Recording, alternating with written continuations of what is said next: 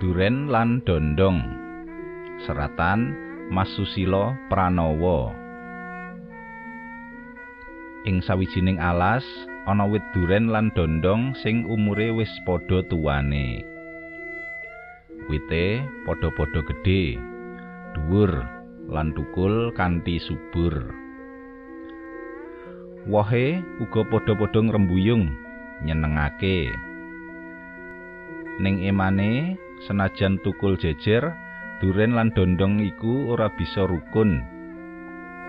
Saben dina tansah regejekan rebut bener. Aku iki woh sing paling disenengi kewan-kewan ing alas kene. Kulitku alus, wujudku uga ora pati gedhe. Dadi gampang yen arep dipangan. Kandhane dondong sombong. Iya, aku ngerti. Ning rasane wohmu rak kecut to. beda karo aku. Gandane wohku arum lan rasane ora ana tandinge. Saute duren. Halah, kuwi rak mung umukmu wae. Nyatane kewan ngendi sing gelem mangan wohmu? Kulitmu sing kebak eri kuwi mesti diwedeni sapa wae. Beda karo aku. Najan kecut, wohku kerep digoleki kewan-kewan ing alas kene. Wis to. Pokoke aku iki woh sing paling migunani. Duren ora sumaur. Dheweke rumangsa kalah. Ing alas kuwi pancen arang banget kewan sing gelem mangan wohe duren. Najan rasane nyamleng, ning sapa sing gelem nandang tatu kena eri. Heh, duren, kowe kok njur meneng wae iki piye? Apa kowe kepingin mbuktekake meneh sapa ing antarane kita sing luwih disenengi kewan-kewan ing alas kene? Duren tetep ora semaur. Dheweke ngerti yen dondong tansah ngece lan ngasorake derajate. Mergo meneng wae, tak anggap kowe nyetujoni tantanganku. Mengko bengi, wohmu lan wohku sing mateng rak padha ceblok. Jajal, wohe sapa mengko sing bakal kepangan. Sawise ngomong ngono, Dondong guyu lakak-lakak. Suwalike, Duren isih meneng wae. Duren ngerti yen dheweke bakal kalah kaya adate. Mula, Duren pilih ora nanggapi guneme Dondong sing sombong kuwi.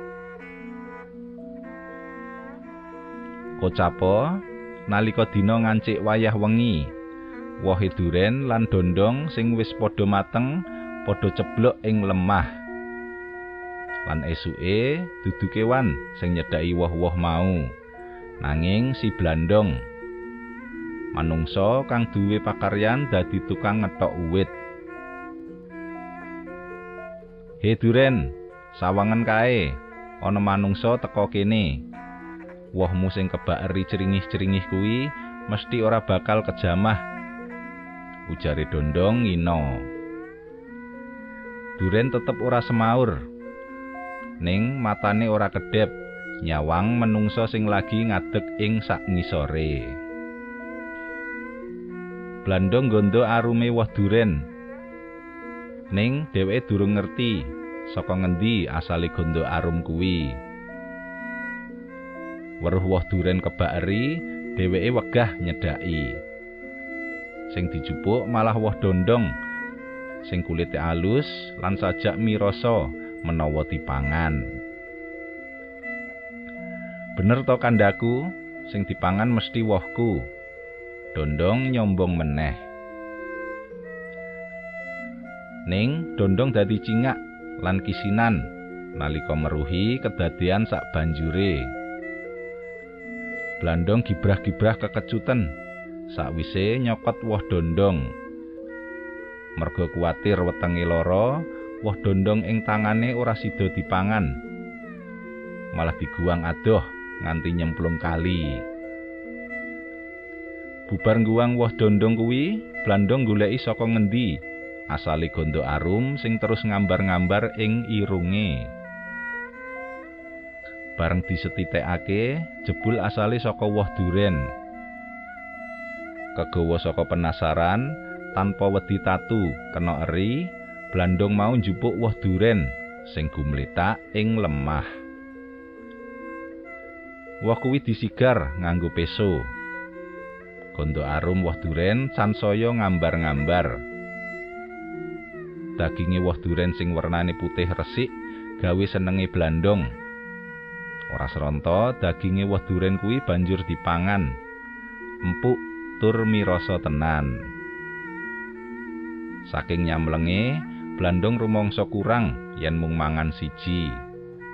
Mula dheweke golek woh duren meneh. He dondong, jebul umukmu kuwi ora ana nyatane. Aloke duren sing rumangsa seneng, merga wohe dikaremi menungsa. Saiki genti dondong sing ora bisa semaur. Dheweke rumangsa isin lan ngakoni kalah. Mula tondong, ora apik nyimpen sifat sombong. Yen wis kaya ngene iki, kowe rak kisinan to. Dondong tetep ora semaur. Nanging ing batin dheweke benerake kandhane duren kuwi. Inggih mengkaten para pamirsa, waosan cariyos duren lan dondong seratan Masusila Pranowo.